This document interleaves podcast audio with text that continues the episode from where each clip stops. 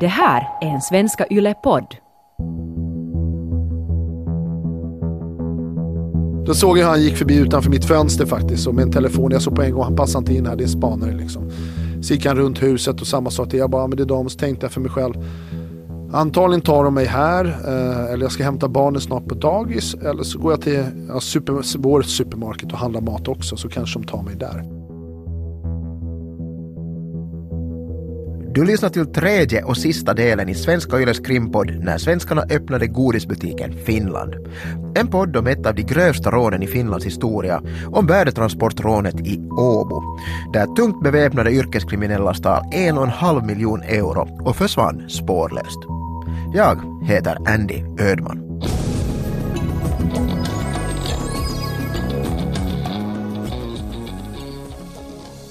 Här är TV-nytt nu. God kväll. Värdetransportrånet i Åbo igår kväll är fortfarande ouppklarat. Centralkriminalpolisen har nu tagit över utredningen. De misstänker att rånet kan ha kopplingar till Sverige och har bett polisen där om hjälp. Det var igår kvart över fem på eftermiddagen som en penningtransportbil rånades på Finlands Banks bakgård i Åbo. De maskerade rånarna som talade både finska och engelska tvingade under vapenhot till sig en, enligt polisen, betydande summa pengar. Rånarna band de två vakterna och flydde sen från platsen.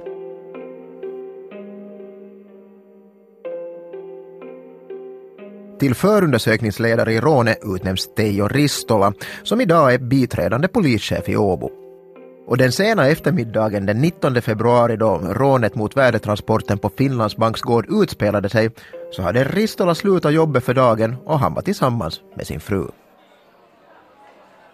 Arbetstiden hade tagit slut och jag ringde min fru och frågade att, att hur är det idag, idag hur ska vi handla och hur ska vi äta och så där vidare. Och sen beslöt vi att vi går ut, i en, en, äter ute i en restaurang på Slottsgatan, den mitt emot Finlands bank. Och sen satt vi där och åt och frun sa att, att det är många poliser som kommer hit och, och, och jag, jag arbetade under CKP då, centralkriminalpolisen och, och sa bara åt min fru att det är säkert så att, att Åbopolisen övar, övar med Finlands bank därför att Finlands bank är ju en, en, en, på sätt och vis en statlig organisation och det, det är lätt att samarbeta med dem. Att det, det finns en stor polisövning på, på gående.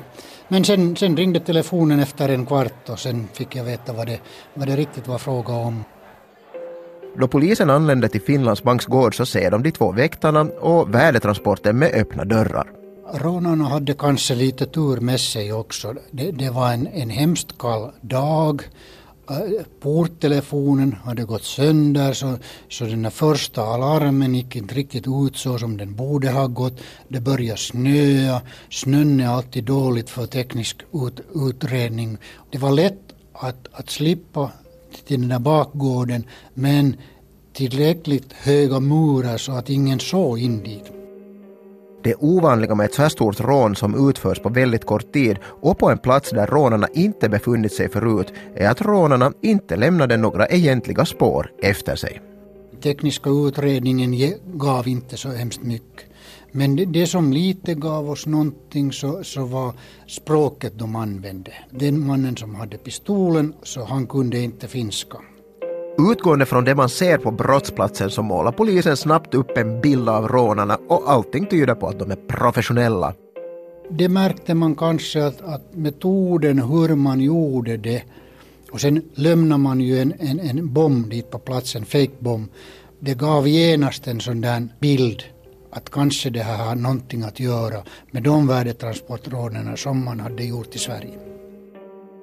Det var två stycken penningtransportörer på plats. Hur tycker du så där efteråt att de skötte sitt jobb? De skötte sitt jobb hemskt, hemskt bra och man ska inte, inte börja leka med sådana här, så de gjorde just så som de där rånarna ville och, och, och det gick bra till. Nästa steg i polisens utredning var flyktbilen som hittades två kilometer från brottsplatsen. Vi fick ju ganska mycket, mycket tips om en sån här röd bil. I vissa kameror i stan så hittade vi den här bilen. Småningom hittades bilen i Puropelto-området. Eh, sen fick vi naturligtvis reda på vem ägde bilen. Bilägaren och hans berättelse visade sen vägen, vägen lite framåt. Anders och Dali lämnade Åbo ett par dagar efter rånet men bytet från rånet är kvar i Finland. Pengarna från rånet ska smugglas till Sverige via kryssningsfartyg. Man behöver kurir för att få över pengar. Det hade, vi hade ju några olika sätt vi tog över, inte allt på en gång utan olika delar. Så jag hade en supersmidig sak där. De kom över med båt och så gick de av båten. Den är av några timmar. Träffade upp dem och gav dem en kabinväska liksom och lite cash. Gick de och handlade på Stockman igen. Så de såg ut som de varit och shoppat. Så gick de bara tillbaka på båten igen. Så de kom med en, vet, åkte över natt från Sverige, stannat, gått ut de här fyra fem timmarna, shoppat eller vad det är. Några timmar, träffade mig, fått en väska, gått tillbaka på båten. Kom till Sverige så gick de bara av med väskan så träffade jag upp dem. Rätten bedömde att ett par hundratusen euro av bytet från rånet stannade i Finland hos de finländare som var med om rånet. Resten av pengarna for utomlands.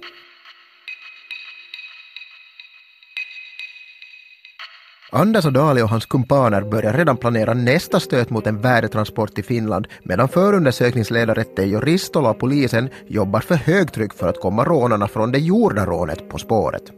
Och de hittar spår.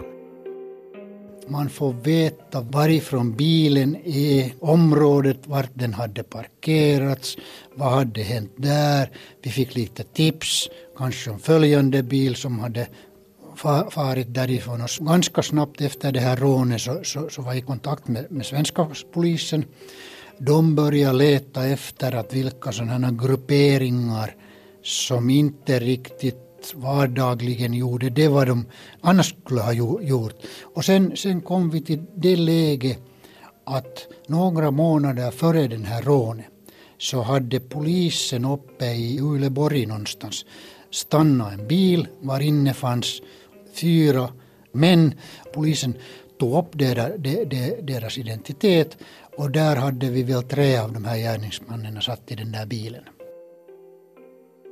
Första planen var att få den här Finlandsbanksutredningen gjord men småningom fick vi då veta att nästan samma gäng eh, planerar en ny rån.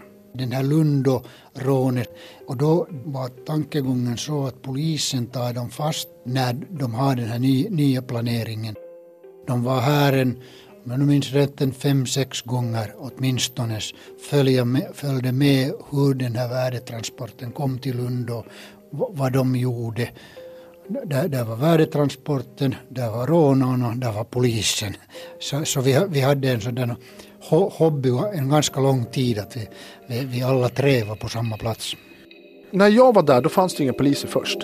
Eh, när vi kom dit för att göra det där rånet, eh, då hade vi kollat ett par må någon månad två på det. När vi kom dit för att göra på plats, eh, då hade vi faktiskt, då hade några killar kommit från snott massor med bilar åt oss som hade utställda lite Åbo det. Så när jag gick min runda på morgonen, det här är ju kanske 7-8 timmar innan vi ska göra rånet, så går jag ut på en runda för att se till var de snodda bilarna står. Och när jag går förbi och, och, tittar på en sån och när jag går på en sån promenad då går jag med, alltså på mig keps, jag har en tröja, en t-shirt, lite olika kläder, jag har en plastpåse, en ryggsäck med olika kläder och, så jag kan byta skepnad utseende. Så att när jag går och kollar på den bilen då ser jag snabbt på en gång. Det är span. Jag ser en kille som står i buskarna. Jag går förbi en kille som jag, jag, kan läsa av hur han tittar på mig. Han hade luva, han hade en brun hoodie-tröja på sig, ljusa jeans och, och så ett par skor. Liksom. Jag tittade på han och så gick jag förbi. Sen så stannade jag upp och, och tittade på för han fortsatte. Och han stannade upp och vände och kollade på mig. Då avslöjade han sig själv. Jag bara okej. Okay. Så fortsatte gå, såg jag en som stod i buskarna.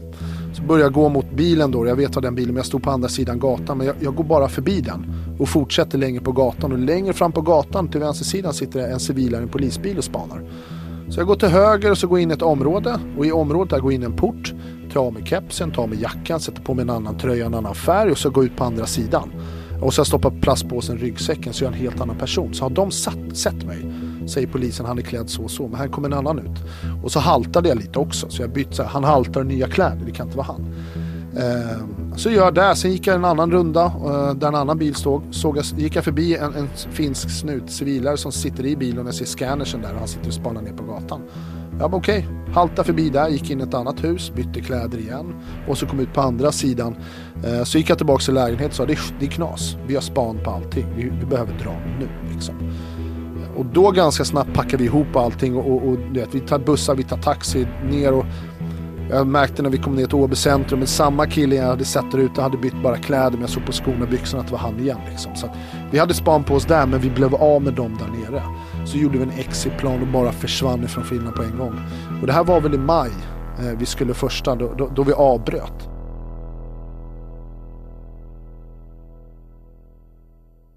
Anders drog sig alltså ur det rån som nu planeras i Lunda utanför Åbo. Istället splittras ligan som tänkte göra brottet och Anders och ett par till ersätts av nya rånare som fortsätter planera stöten i Lunda.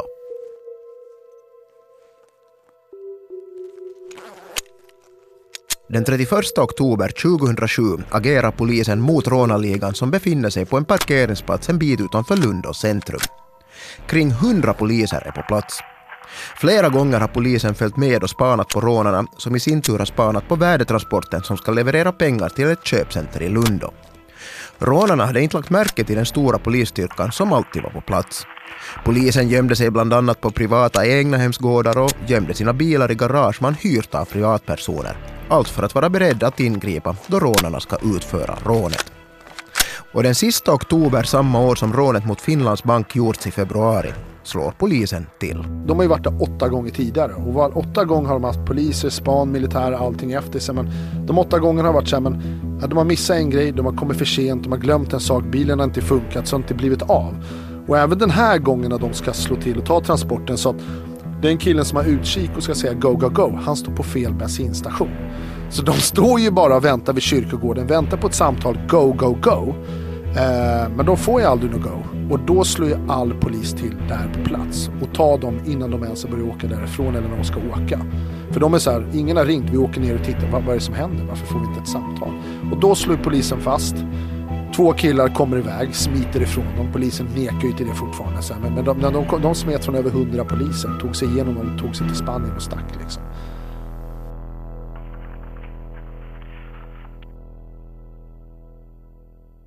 Förundersökningsledare Teijo Ristola var den som gav order om att polisen skulle gripa rånarna den 31 oktober, för hans tålamod hade tagit slut. Det var starka vapen, det skulle kunna hända fast var en, en av rånarna stack från platsen och, och slapp bort därifrån, sprang genom skogen med en annan rånare, en 20 kilometer åtminstone, så de, de har någonting att berätta när, när de sitter, sitter i gungstolen när de är, är, är lite, lite äldre. De hittade sen en taxi och, med taxi körde de till Helsingfors och försvann därifrån. Sen, sen, senare togs, togs de fast. Nu är alltså Anders och Dalis bekanta antingen gripna i Lundo eller efterlysta för att ha flytt från platsen.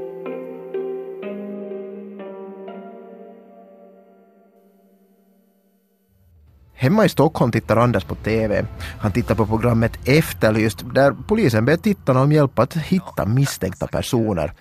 Och Anders inser att nu är han också själv i fara att bli gripen av polisen.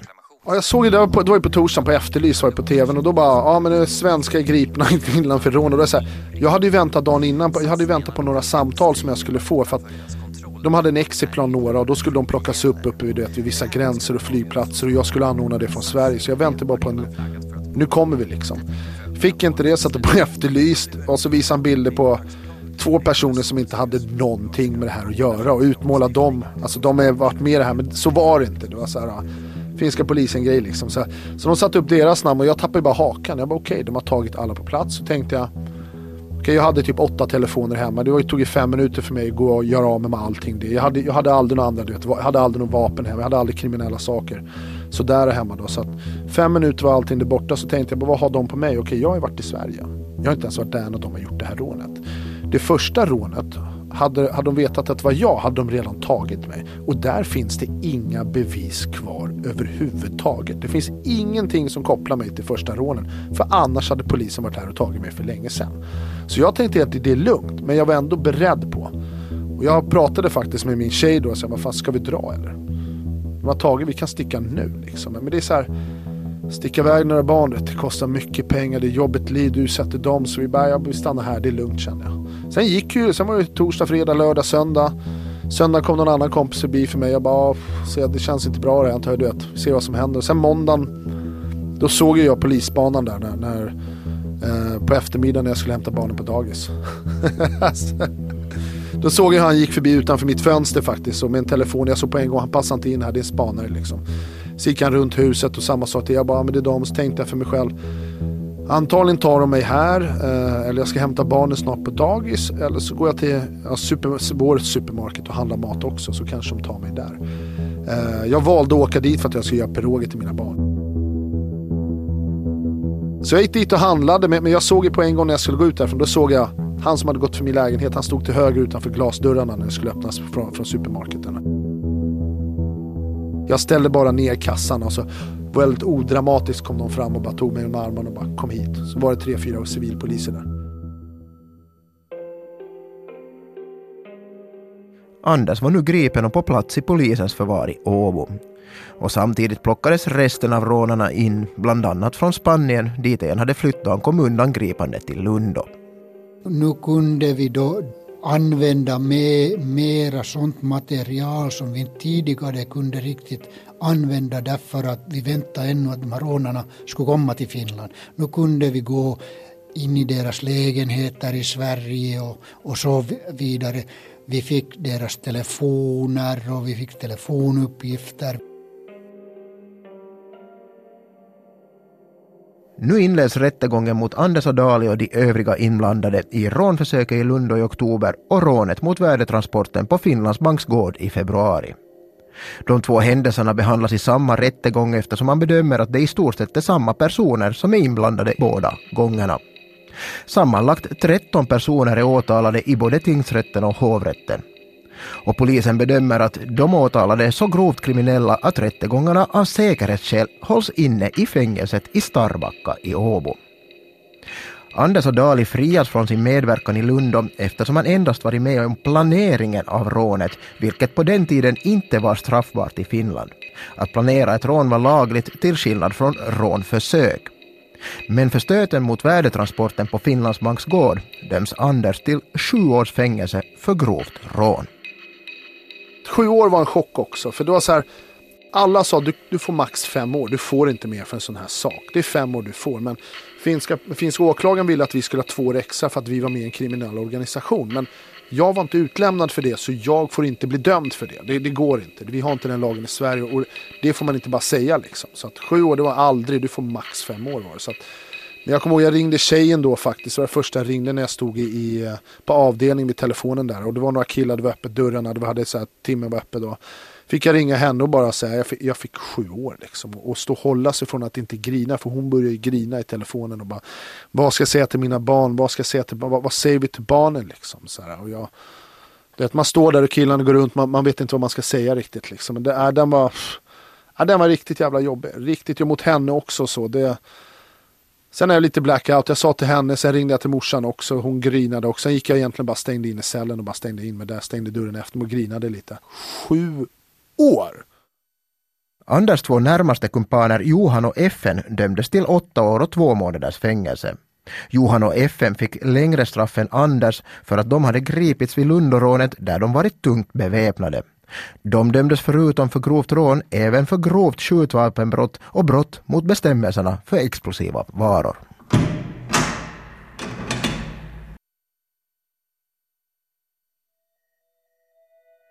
Efter att Anders kom ut ur fängelse så har han enligt egen utsago levt ett laglydigt liv. Anders har bland annat haft ett eget TV-program, Stoppa tjuven, som handlar om hur vanliga svenskar kan skydda sig mot inbrott och rån. Och han har inga planer på att bli kriminell igen. Ja, jag mår dunder alltså. Jag verkligen alltså, jag, jag, sen dagen jag släpptes och sen dagen jag åkte fast i Finland och hamnade i finsk fängelse. Jag tror nästan efter en vecka började jag jobba där inne och det var på att skriva böcker och skriva grejer överhuvudtaget. Så att jag har bara fortsatt med dundertempo. Det är 2011 muckade åtta år sedan. Jag har släppt två böcker, jag har tv-profil här i Sverige, jag har programledare för tv-tv-program. Innan jag kom hit nu ska jag göra femte säsongen av Stoppa tjuven. Eh, som jag gjort eh, på tv som jag vunnit några priser för. Jag har ersatt Leif GW Persson och Nya Efterlyst till och med i två säsonger, en och en halv säsong. Eh, så jag har, jag har dundrat på för fullt och egen företagare, jobbat alltså med, jag har till och med varit var han mer jobbat som flyttmöbelmontör ett tag precis efter muck när, när jag kom ut från fängelset. Men nu, nu, driver jag, nu hjälper jag till att driva ett drickföretag som är helt nytt och, och pushar på där och sätter några häftiga kontrakt och, och vi blir större och större och större. Biträdande polischef Teijo Ristola ska snart avgå med pension och lämna polisyrket bakom sig. Han hoppas att Anders och Dali står vid sina ord om att han lämnat det kriminella livet bakom sig. Man måste ju hoppas att, att, att så är det. Så, så, vi, vi, får alla tro på den, den, den saken. Det skulle vara hemskt bra. Men naturligtvis, jag har varit som polisen 40 år ren så jag, jag har nog hört sådana här likadana berättelser ganska många gånger. Att, att det måste säkert hända någonting annat också i livet. Man, man, man, man gifter sig, man får barn, man får no, någonting. Eh, sen är det sant också att, att desto äldre man blir så desto mindre att våra brottslingar är där mellan, mellan 20 och 40 år det finns inga äldre kriminella. Alltså jag, det finns ingen som är 50-60 år, har ett hus, åker Lamborghini och leker gangsterboss. Det existerar inte. Det är på tv och det är på film. Det som finns är ungdomar som det, de är 15, 14, 13 till och med, 13, 14 och tycker att det är ballt. Och så är de kriminella ett par år till som kanske 20-25. De åker fast, de börjar punda, de skadar familj, vänner. Det är en period de inte vet vad de håller på men det håller bara på i några år. Det finns ingen happy ending. Du dör, du hamnar i fängelse, du blir missbrukare. Det är de tre alternativen som jag säger. Eller så vänder du på livet och ändrar helt. Du levde ett jättebra liv, det flöt på, men du for ändå till Finland. Vad är det som ännu idag håller dig bort från att göra om det misstaget? Vet du vad, jag är så nöjd med livet som det är. Det är så, ja, jag är bara glad, jag känner ingen stress, det är inte titta bakom axeln en konsekvens kan betyda ditt liv eller stora summa pengar. Om jag har ett möte med några kriminella och det är stora mängder droger eller vapen eller planering av ett rån och jag inte kommer dit. Då blir de okej, okay, vad händer? Har han blåst oss? Han är skyldig oss pengar? Vi måste sky här är jag som driver mig själv. Det, ing, det, finns inga hot, det finns ingen stress, det finns ingen våld. Går jag in med ett leende, då får alla andra att le och sen är det klart. Liksom, så vi är glada istället. Du har lyssnat till Svenska Yles krimpodd När svenskarna öppnade godisbutiken Finland. En podd om ett av de största rånen i Finlands historia, nämligen värdetransportrånet i Åbo år 2007. Jag heter Andy Ödman och ljuddesigner var Stefan Granholm, dramaturg Arjen Ikkinen och producent Staffan von Martens.